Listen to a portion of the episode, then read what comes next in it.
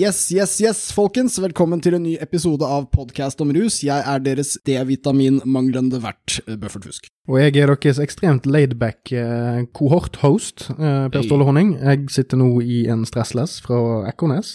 Ja, Den Revolusjonerende eh, oppfinnelse å spille inn podkast i. Jeg tror jeg kommer til å være kanskje mest typecastet podkast om rusprogram verdt. ikke lov å sovne. ever. Ja, ja, ikke lov å sovne på hytten. Eh, da kommer penismonsteret.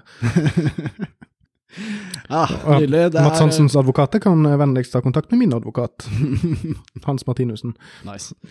Ja, det er eh, høst, dødens årstid, og folk er litt gærnere enn vanlig. Det er alltid verdt å merke seg på sosiale medier hvordan folk altså alltid er gærne der, men nå for tiden er litt sånn ekstra konfliktsøkende, misforstår hverandre bitte litt mer. Vanskelig å si hvorfor, om det er sommerens svunne håp, alt det man gikk glipp av, bare generell D-vitaminmangel, for lite sol, eller det at eh, man blir påminnet om at vi bor på en fjellknaus eh, der det er kaldt og mørkt. Ja, men nå er det jo ikke så veldig kaldt, da. Ja, det er jo det. Ja, men altså, det er 15 grader ute. Og, altså, det er jo jeg, jeg er såpass gammel at jeg husker at 15 grader, det var en vellykket norsk sommer, det. ja, På min våren ungdom. er det mye. Ja, ja. Jo, jo, men altså, så lenge man tenker på høsten som en slags omvendt vår, så er det jo, det er jo, det er jo akkurat den samme mengden med godvær du får. Mm. I hvert fall i, på Østlandet. Ah, så du kan, du kan, hvis du klarer liksom tenke at det var vinter nylig, så Mm. blir det bra. Ja, og så, og så bare blir du overrasket over at det kanskje blir vinter en gang. Men så for et par vintre siden så ble det jo ikke vinter. Så hvis vi er litt heldige, så får vi kanskje bare en veldig lang høst. Det er lov å håpe. Ja, og nå, nå gikk det jo en rysning nedover ryggen på Eivind Tredal, uten at han egentlig helt vet hvorfor. Det er jo hans Tredal-sens at nå sitter det noen og spøker med global oppvarming. Ja, nei, det er selvfølgelig ikke gøy. normalisere det. Det er jo ikke gøy. Ingen noe av det. Beklager, Eivind. Ja, nei, det, vi tar selvkritikk. Eh, vi må innom en uh, trist sak først. Vi er nødt til å pay tribute. Uh, en av de store stemmene i norsk rus, vi får vel si debatt, politikk, er død. Sverre Eika. Han døde nå i september. Begravelsen avholdes om noen dager når dette spilles inn. Eh, Sverre Eika var en stor mann, han var en lege. Han, eh, hvis dere vil se ham i aksjon, så var han i februar med på TV 2-programmet Norge bak fasaden, der han selvfølgelig raste mot norsk ruspolitikk. Eh, han var en lege som jo arbeidet i gråsone. Han har trolig reddet mange, mange liv her i byen. Mange som skylder han veldig mye. Han hadde visst et medisinsk illebefinnende som vi ikke vet mer om, og døde ganske brått.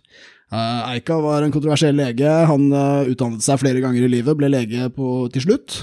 Imponerende på alle måter. Han eh, ble aldri fratatt lisensen, selv om han var omstridt og ble anmeldt, hadde mange tilsynssaker mot seg. Og han var aktiv som fastlege helt til det siste, så hva sier man? Tankene går til familien, og også til pasientene, da, som kanskje får det verre nå.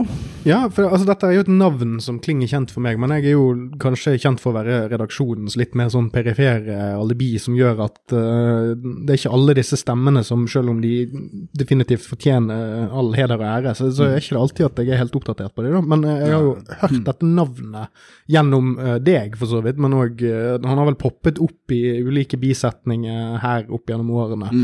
Eh, men sånn som jeg har forstått det, så er det vel egentlig mest det at han har virket å være uh, en, en type lege som faktisk uh, Uten at jeg skal liksom felle noe ekstrem dom den ene eller andre veien, men det virker som om at eh, han har lent seg litt på do no harm-biten av Mm. eh, legeetikken. Nå vet jeg ikke hvor mye man driver og sverger på en sånn her eh, slangestokk her til lands, men det er jo noe man gjerne gjør borte i statene og litt andre steder. At man har en Mm. sånn at man skal liksom etterleve eh, en, først og fremst en, eh, en, en yrkesetikk, Mm. og deretter en, eh, en, en juridisk etikk. I hvert fall i ånden, da, om det ikke er sånn det blir i praksis. Eh, Og jeg har alltid respekt for folk som klarer å på en måte være sammenhengende og virke som om de er forutsigbare, men eh, opposisjonelle. Ja, si. og det er fascinerende ting med, med Eika. Verdens mest maskuline mann. altså Kjempemørk stemme, gigantiske muskler, motorsykkel, dreier med kampsport.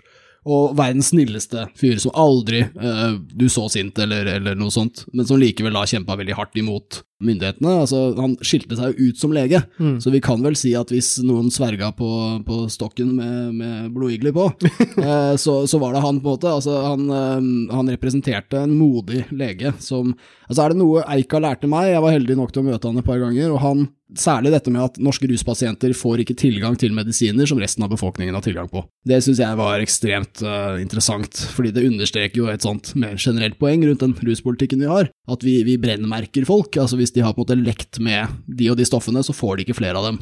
Og Det er en veldig sånn disiplinær sanksjon som er basert på noe moralsk, og det handler ikke om å gi dem den rette medisinske behandlinga.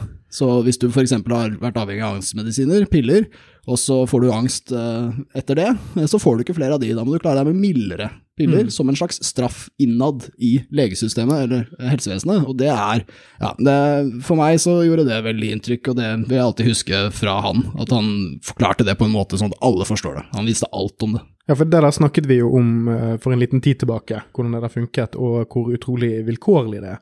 For det går, altså, det går på tvers av hva eh, medisinen egentlig skal gjøre. Ja. Altså, medisinen skal egentlig ikke felle noe dom over hvem eh, din person er, Nei. egentlig. Det man skal se på er, hva er ditt problem?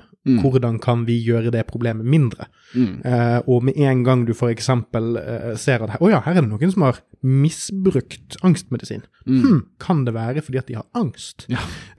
Da kan, kan man jo sikkert som, som eh, Og jeg er jo ikke medisiner lenger av ymse grunner, men eh, man kan jo krangle litt fram og tilbake om, om liksom hva, hva som er det mest effektive bruken og sånn, og man kan sikkert òg si at i noen tilfeller så er det sånn å ja, eh, hvis du har et litt sånn avhengighetsproblem her, så må vi i hvert fall se på det. Ja. Men det å liksom gå i radikalt motsatt retning ut ifra en sånn herre 'nå har du drete deg ut'-logikk, det går jo på tvers. For at det er litt sånn herre eh, at du skal eh, nekte ungene dine å, å spise middag fordi at de spiste for mye middag i går, Ja. og så spydde de for Ja. at de spiste for mye. Altså det er sånn, Hva er logikken i det? Eh, nå må vi slanke deg i dag fordi at du var bulemiker i går. Ja, og det, ja, og det er et bra poeng. For altså, jeg mener, eh, Det er derfor jeg også kaller det for brennmerking. For altså, når du først har fått det stempelet, så blir det aldri borte. Du kan på en måte være rusfri i 40 år, men så er du fortsatt en misbruker i systemet. Og det skulle, altså, Eika påpekte jo også at man, vi, dette er stoffer vi Det gjelder særlig angstmedisiner, benzodiazepiner og opiater. Og dette er stoffer vi blant annet gir til barn.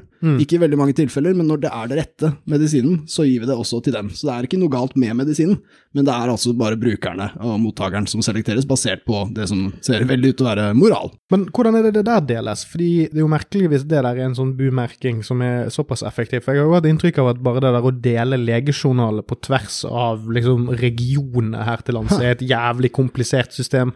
Ja, jeg altså Al det det er at Hvis du har flyttet fra Bodø til Sør-Norge, så plutselig er det litt komplisert å få dokumentert at du har vært hos fastlegen din i Bodø i x antall år. Ja.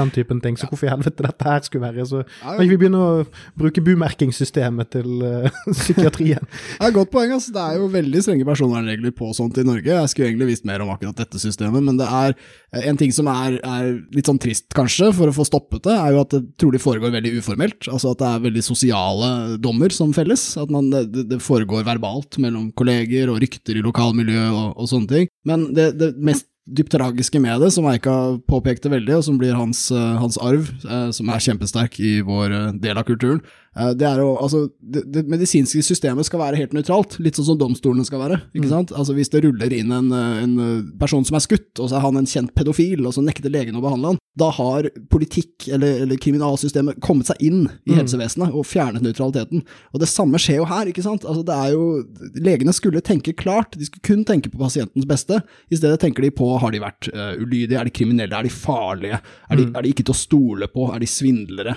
lyver de til meg? Så, så den mistroheten er det som står i veien for korrekt behandling. Ja, og der kommer vi jo, det er en ting vi har vært inne på på dette temaet her før, er jo det at hvis en pasient lyger til deg for å få tilgang på f.eks. angstdempende, så er det jo et tegn på at vedkommende trenger Noe. noe. ja. Ja. Eh, Så den ideen om at den beste måten å bekjempe det på er å gjøre det vesentlig vanskeligere å kommunisere med vedkommende ved å bare kutte de totalt av alt som gjør de noenlunde stabile, Mm. er jo òg en veldig pussig måte å skulle gjøre noen frisk på. Ja. Ja. Du får masse helt til du får ikke noe. Ja, litt så interessant å se konturene her, og det lille jeg har hørt deg eh, snakke om eh, sånne gamle pasienter som sier litt ting om uh, Eika og sånt, mm. får meg jo til å tenke at vi skulle hatt flere. Og så er det jo, også- det er jo litt synd at han aldri fikk uh, lagd seg en uh, podkast, for han kunne jo virkelig blitt Norges svar på uh, Joe Rogan, bare en god versjon. Ja, ja, og i høyeste grad. Uh, Faktisk- en, faktisk, faktisk smart en. Ja. Ja, en, en som faktisk kunne uttalt seg litt tydelig om f.eks. vaksinering. Ja, en som kunne ting. Eh, Men han var helt unik og helt uerstattelig, så ja, det er verdt å vie han noen minutter her. Det er et stort tap for alle. Men eh, det er da også positive ting som skjer i vår underlige lille ruskultur. Eh, Vi hadde en, eh, vi kan vel kalle det historisk hendelse, foran politihuset på den noenlunde kjente datoen 11. september. Ja, det er jo opptil flere historisk artige ting som skjedde Ja, det- den dagen. For eksempel, jeg tror Donald Trump var ringmaster på en sånn her boksekamp Ja, borte i stemmer det. Statene. Det var jo ganske historisk.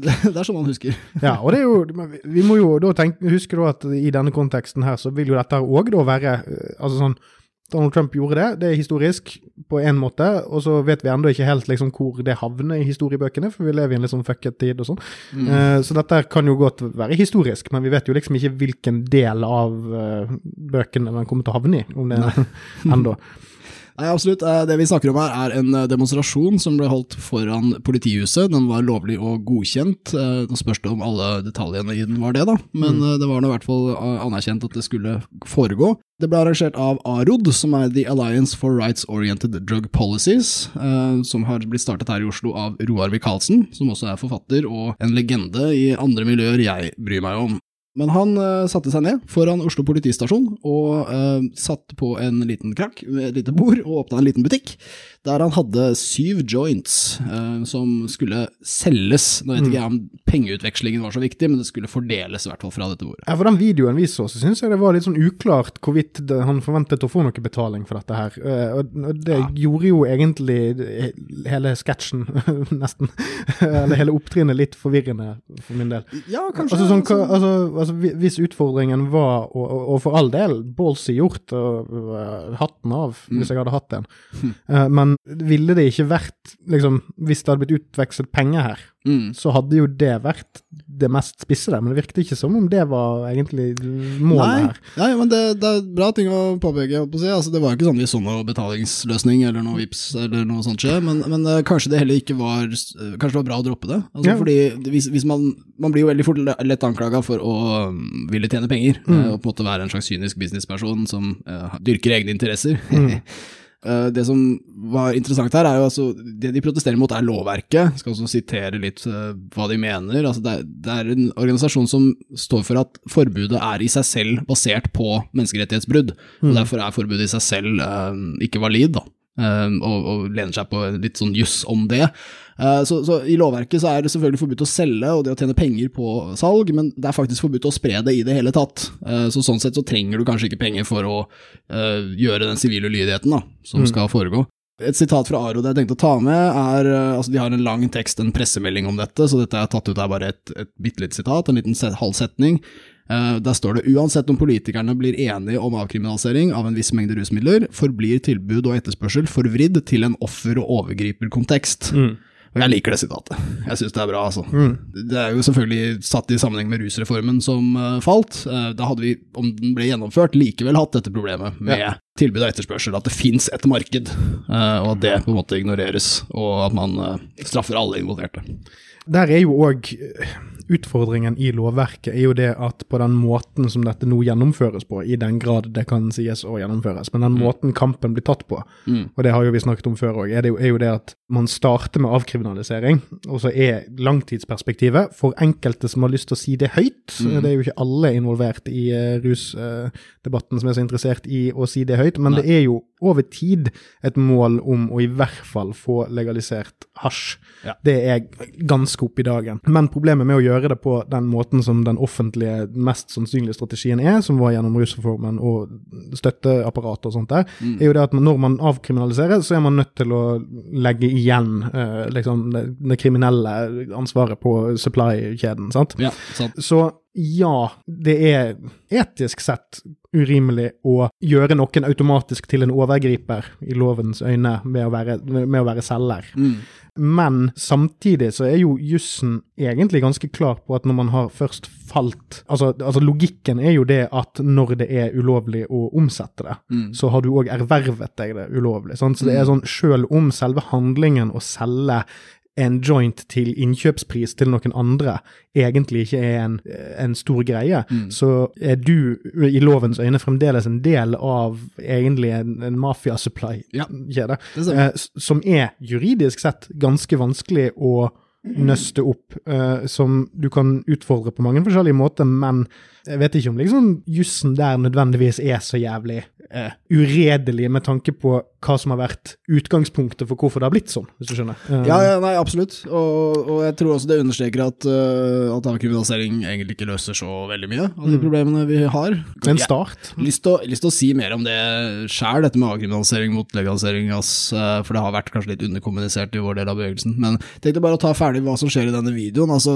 uh, det er en, en modig fyr som da går frem og får en joint av Michaelsen, fyrer den opp.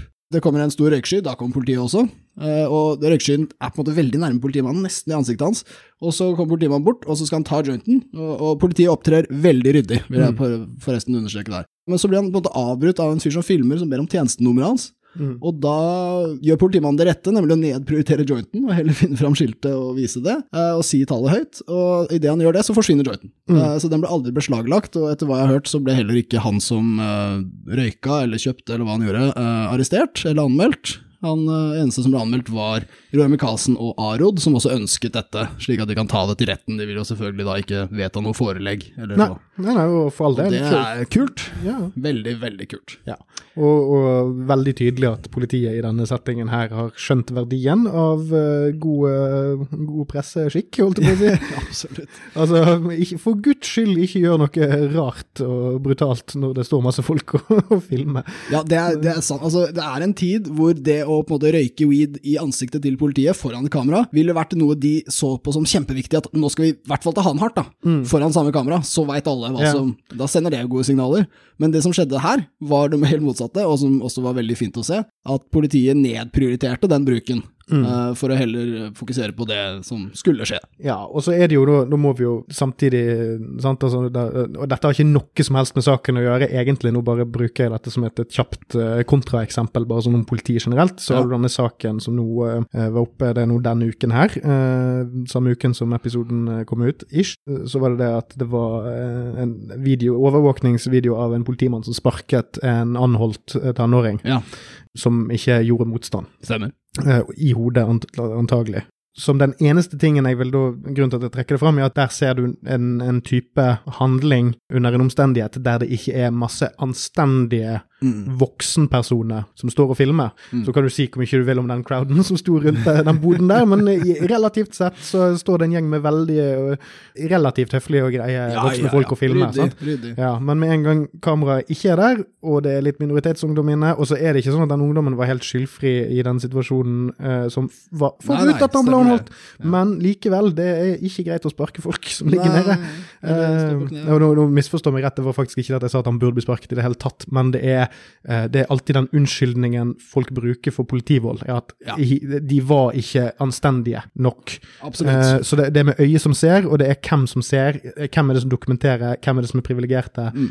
Men dette er et bra tegn på den siden av politiet som liksom anstendigheten har fokuset på. Da. Absolutt, altså. Og om den beste politifolka i verden, de er de som blir filma. Og jeg, jeg skulle ønske de hadde kamera på, på draktene sine. Ja. Ikke bare en kvitteringstjeneste, kom igjen, han kommer til å fake det som faen. det er så lett i forhold til et kamera, da. Kamera må du skru av eller jukse med. I hvert fall med tanke på hvor mye erfaring politiet har med folk som jukser med kvitteringer. Midt oppi politisandalen. Ja, litt mer kvitteringer, tenker jeg. Det blir bra. Eh, men jeg, jeg, jeg ville si noe om dette med avkriminalisering og legalisering. fordi i vår side av debatten så har vi ikke trengt å ta så mye av det. Vi har bare trengt på ruspolitisk, så holder det for oss å si at det vi har er helt jævlig. Straff skader, vi burde ha noe annet. Det betyr at vi har på vår side av debatten hatt en veldig stor gjeng som på en måte er veldig enig nå, men det er også fordi vi har ikke måttet diskutere hva slags regulering, om legalisering eller ikke, osv. Jeg tror vi har ganske mange veldig radikale blant oss, og så har vi noen litt sindige, så den dagen vi må ta den debatten, så kan det hende vi plutselig ikke er så enige lenger. Nei, eh, det er, jo, det er jo veldig tydelig når du ser på visse segmenter av sosiale medier, at Yeah. her er det en Altså, å si sjørøverbande, det er jo i Det er jo å Ja. un, under, underkommunisere det litt, for det er liksom Det er alt mulig. Ja, Det er liksom det er alt fra anerkjente jurister til ganske kuriøse typer. Og, og en ting er jo at det er jo ikke en forent eh, bevegelse på den måten i utgangspunktet, men la oss nå si at vi hypotetisk sett en dag kommer til legaliseringsbiten. Mhm. Så kommer det til å være en god del stemmer på dette feltet. Ressurssterke stemmer som kommer til å være på en, en fløy som ikke jeg nødvendigvis ville vært enig i, f.eks. Så ville det vært for en mye mer liberal polordning, holdt jeg på å si, enn det jeg kanskje ville vært komfortabel med. Ja. Og den debatten kommer til å bli helt koko bananas. Det er det jeg også spår, ass. Og, og den kommer jo i forkant av en eventuell legalisering. Ikke sant? For vi må Ja. jo på en eller annen måte gruppere oss for å få det politisk gjennom. Og det kan bli eh, morsomt. Altså, avkriminalisering løser det enkleste, som er at straff er helt jævlig og ødelegger alt. Uh, men, men det er mer som ødelegger. og uh, legalisering, altså innenfor legalisering så finner du fløyer, og det går da fra helt komplett uregulert, frislipp, som det heter i, i avholdsfolks uh, vokabular, til eh, en kjempestreng regulering. Du må selge sånn og sånn og sånn. En viktig ting med forskjellen på avkriminalisering og legalisering er at avkriminalisering fjerner jo straffen, som sagt, som er liksom det viktigste av alt, men eh, det forblir en del problemer. Altså Disse rusmidlene er jo i samfunnet allerede, og en avkriminalisering innlemmer dem ikke. Vi tar ikke kontroll over dem. Så vi har disse enorme svarte markedene som er der, og, og folk vet jo ikke nok om rusmidler. ikke sant? Så folk som tar kokain, vet ikke at det er dårlig for hjertet. Så kanskje vi kunne hatt helsemyndigheter som sa ikke ta amfetamin for nært leggetid, da. Mm. Kanskje sove i stedet. Eh, Så hadde man på en måte fått uh, mer informasjon som kunne hjulpet folk, men det går ikke med avkriminalisering, for der er det fortsatt helt kriminelt og så videre. En annen ting, altså folk vil jo ikke innlemme disse stoffene i samfunnet, de vil holde dem på sida, men det skaper også problemene. Så med en legalisering så ville du også kunne fått grenseverdier på disse stoffene. Det har vi i medisinen, men vi har det også på sigaretter, f.eks. Nikotin er kjempefarlig i sin rene form, derfor så har vi kun ett milligram nikotin per sigarett. Og det er en fastsatt grense. Du får ikke lov å gå så noe mye høyere. Det samme gjelder alkohol, uh, i sin reneste form. Kjempefarlig, dødelig, giftig. Men vi klarer å regulere det pga. grenseverdier. 4,7 på pils og 40 på polet osv. Så, videre. så Så hvis vi vil ha kontroll, uh, så er ikke avkriminalisering nok. Nei.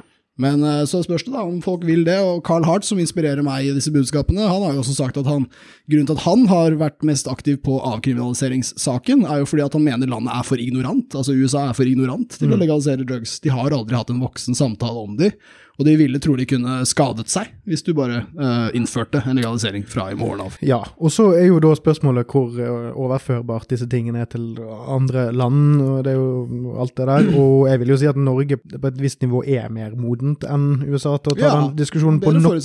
Ja, bedre forutsetninger hvis vi først kom til det punktet. Ja. Så tror jeg vi har i hvert fall muligheten til å altså vi, Fordi vi har, vi har Det er noe med den norske pietismen som gjør at vi, vi Vi er ikke sånn at med en gang noe er greit, så hiver vi oss over det sånn all willy-nilly, med mindre det er sånn sparkesykler og fyller og sånn. Ja, Men- vi men- sier det hele tiden, men vi gjør det egentlig ikke. Nei, nei, jeg tror altså- ikke vi ville gjort det. Nei, nei, men, men bare den ideen om at uh, vi er anstendige mennesker, uh, tror jeg kanskje kunne Ja. gjort at vi kunne potensielt hatt en litt bedre diskusjon. Men jeg er òg egentlig enig, sant? så det er, jo, det er jo derfor argumentet er i den rekkefølgen der. fordi at ved å avkriminalisere så avdekker man nye problemer Mm. som man ikke får tilgang på i debatten sånn som den er per dags dato. Ja. Så som strategi, helt kurant, men jeg er også da Jeg har vært litt på den siden at eh, jeg foretrekker faktisk å si høyt at ja, jeg er for regulering.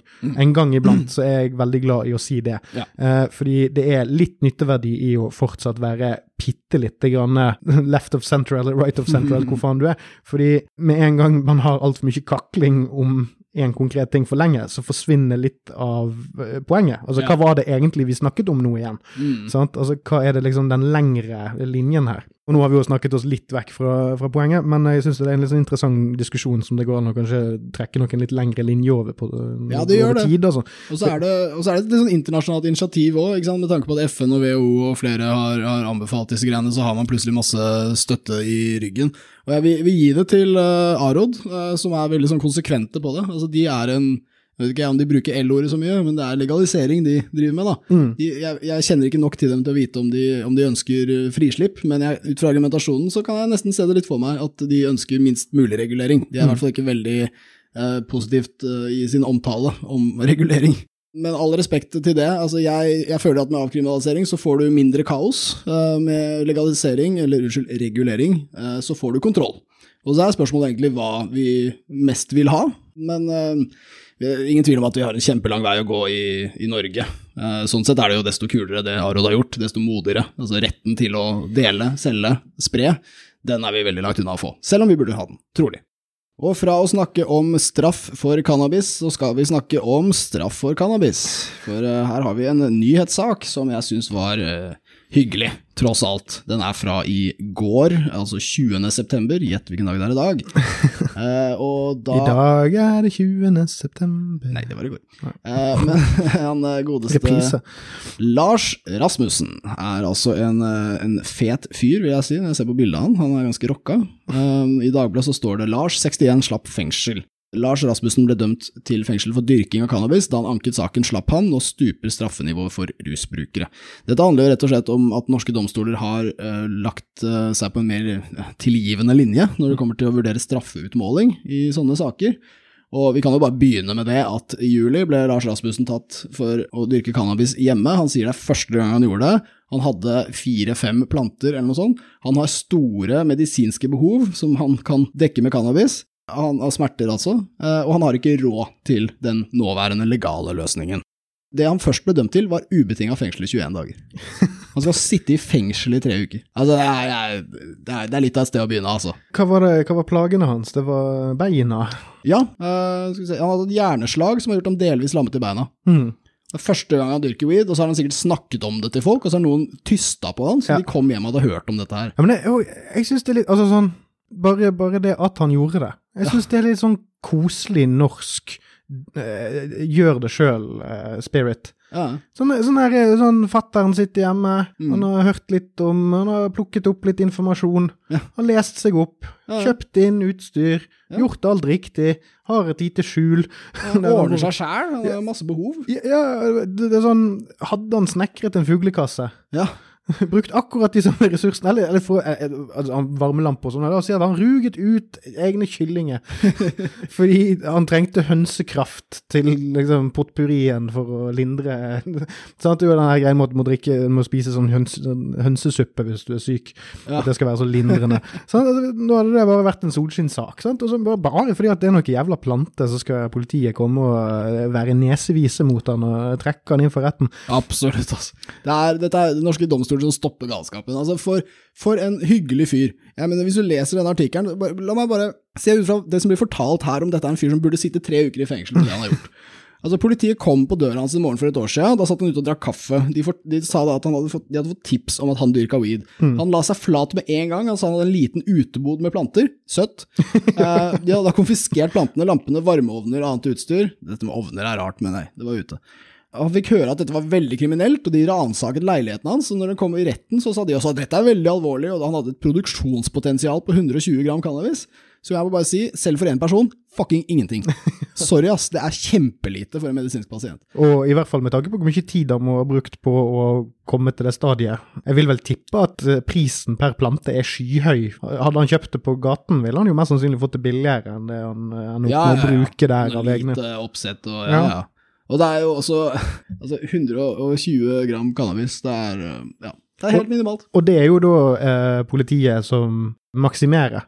Mm. Så det, det forteller jo meg at det mest sannsynlig var et mindre potensial, for de tar jo plantemateriale som egentlig bare kan brukes til kompost og den Ja, typen ting. ja, nettopp. Altså, før så veide de jo krukka og røttene og alt, ikke sant. Altså, det, var jo, det har vært helt skandale. Dette er rettens anslag, 120 gram cannabis, men vi kan anta at de ikke veit hva faen de snakker om. Mm. Vi kan faktisk det. Og jeg må også si det, altså, jeg får inntrykk av at han ble tatt med planter som ikke var blomstret ferdig. Mm. Da er det fuck all med virkestoff i de plantene. De kommer i siste fase av plantens liv. Så, så hvis du blir dømt for liksom fremtidig weed, det han ble tatt med var ikke drugs, eller sånn, det er en ulovlig plante, han har brutt loven.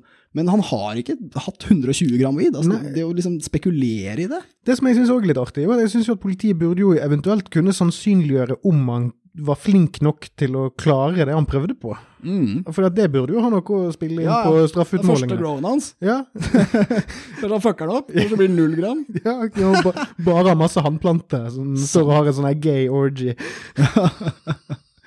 Men det er, eh, det er en gladsak, dette. Altså, han hadde blitt anbefalt å ikke anke saken, for da ville han trolig få mer straff, men Lars gjorde det likevel. Han kontaktet Brynjar Meling, shout-out, eh, til Krekars advokat. Og han, eh, tre dager etter at han sendte saken til Meling, så snudde Gulating lagmannsrett og ga ham altså en betinget straff, som betyr at han slipper å sone. Jeg syns fortsatt det er jævlig strengt. Men det at denne fyren med tidligere hjerneslag, masse smerter, kjempesøt, legger seg flat, gjør alt han skal, må juble for å slippe fengsel, gjør meg fortsatt rasende. Det er ikke bra nok. Eh, og de vil vektlegge helseplagene hans. Hvorfor skjedde ikke det i fucking tingretten, da? Hæ? Var det bare lagmannsretten som trodde på at han hadde vondt, eller? Det, det er så mye rart der. Det er sånn her eh, jeg, Kunne de ikke bare konfiskert plantene? det er liksom sånn her eh, For på, et tidspunkt så må du jo faktisk introdusere i, i, i disse sakskompleksene her sannsynligheten for videre kriminell handling. Og hvis eh, Ja, det, det, han fyren her virker bare Det er ikke Pablo Escobar, dette her. Altså, det er, det, er ikke engang Egon Olsen. Det er Ja, Lars. Ikke sant? Han heller, altså. Altså at Brynjar Meling, som selvfølgelig bare skal få skryt her, eh, må, må si ting altså sitat, En person som har store helsemessige utfordringer med bl.a. store smerter, og som forsøker å lindre dette med egenprodusert cannabis, har ingenting i et fengsel å gjøre. Dette er eh, altså Selv om Meling åpenbart er en genial mann, så er jo dette noe en seksåring kunne sagt. Det er, makes perfect fucking sense, og henviser igjen til Høyesterett, som da tok grep i juli i år, da de fastslo at citat, synet på straffereaksjoner for rusavhengige har endret seg. Citat slutt, og dette skal da legges vekt på. Uh, da, etter det så har straffenivået til narkotikaforbrytelser stupt. Uh, jeg vet ikke om det gjorde det i denne tingretten her, og de kan jo kanskje oppdatere seg, hvis ikke. Drit i å dømme gamle syke folk til fucking fengsel for bullshit. Eh, Men eh, godt å se at eh, norske domstoler, i hvert fall fra lagmannsrettsnivå og oppover, har fått med seg at det er umenneskelig å følge disse strafferammene som politikerne var for feige til å endre på. Yes. Da, Lars! Takk for at du anka! Du er rå, Lars! Shoutouts fra oss. Ikke noe fengsel, ass. Bli hjemme, slapp av. Og noe annen weed. Drit i dem. Vi oppfordrer ikke til drugs, ikke engang for Lars. Nei, vi, vi gjør som nyhetene. Rapper det opp med en gladsak. Ja, og uh, da har vi jo vært igjennom uh, Startet litt mørkt, avsluttet litt lyst. Og uh, det er jo litt sånn som årstiden vår òg. Mm, that's how we roll. Ja. Vi lever med sola. Lever med årstiden. Er ikke vi snart eh, on the course for eh, den obligatoriske Julen er kjip-episoden vår snart? Oi, oi, oi, det kommer. Ja.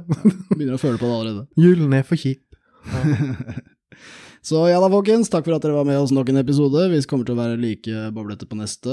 Vi har også en Patrion. Patrion.com slash podcastomrus. Sjekk oss ut. Yes. Og send oss gjerne e-post på podcastomrus at gmail.com hvis du har skryt eller annet sprøtt å melde. Vi liker å lese alt sammen. Ja, eh, vi, er ikke så interessert i de tilbudene som noen ganger kommer inn der, eh, av ymse art, men eh, altså De leses. Ja, de leses, og altså Hvis vi ikke svarer, så er det litt fordi at vi ikke helt vet hvordan vi skal svare, eh, men vi, vi tar det med godt humør, altså. Ja. Eh, så det er jo et og annet der. Eh, men, men fortsett med det, altså. Fortsett. takk for oss. Og ha en bra en. Ha det godt.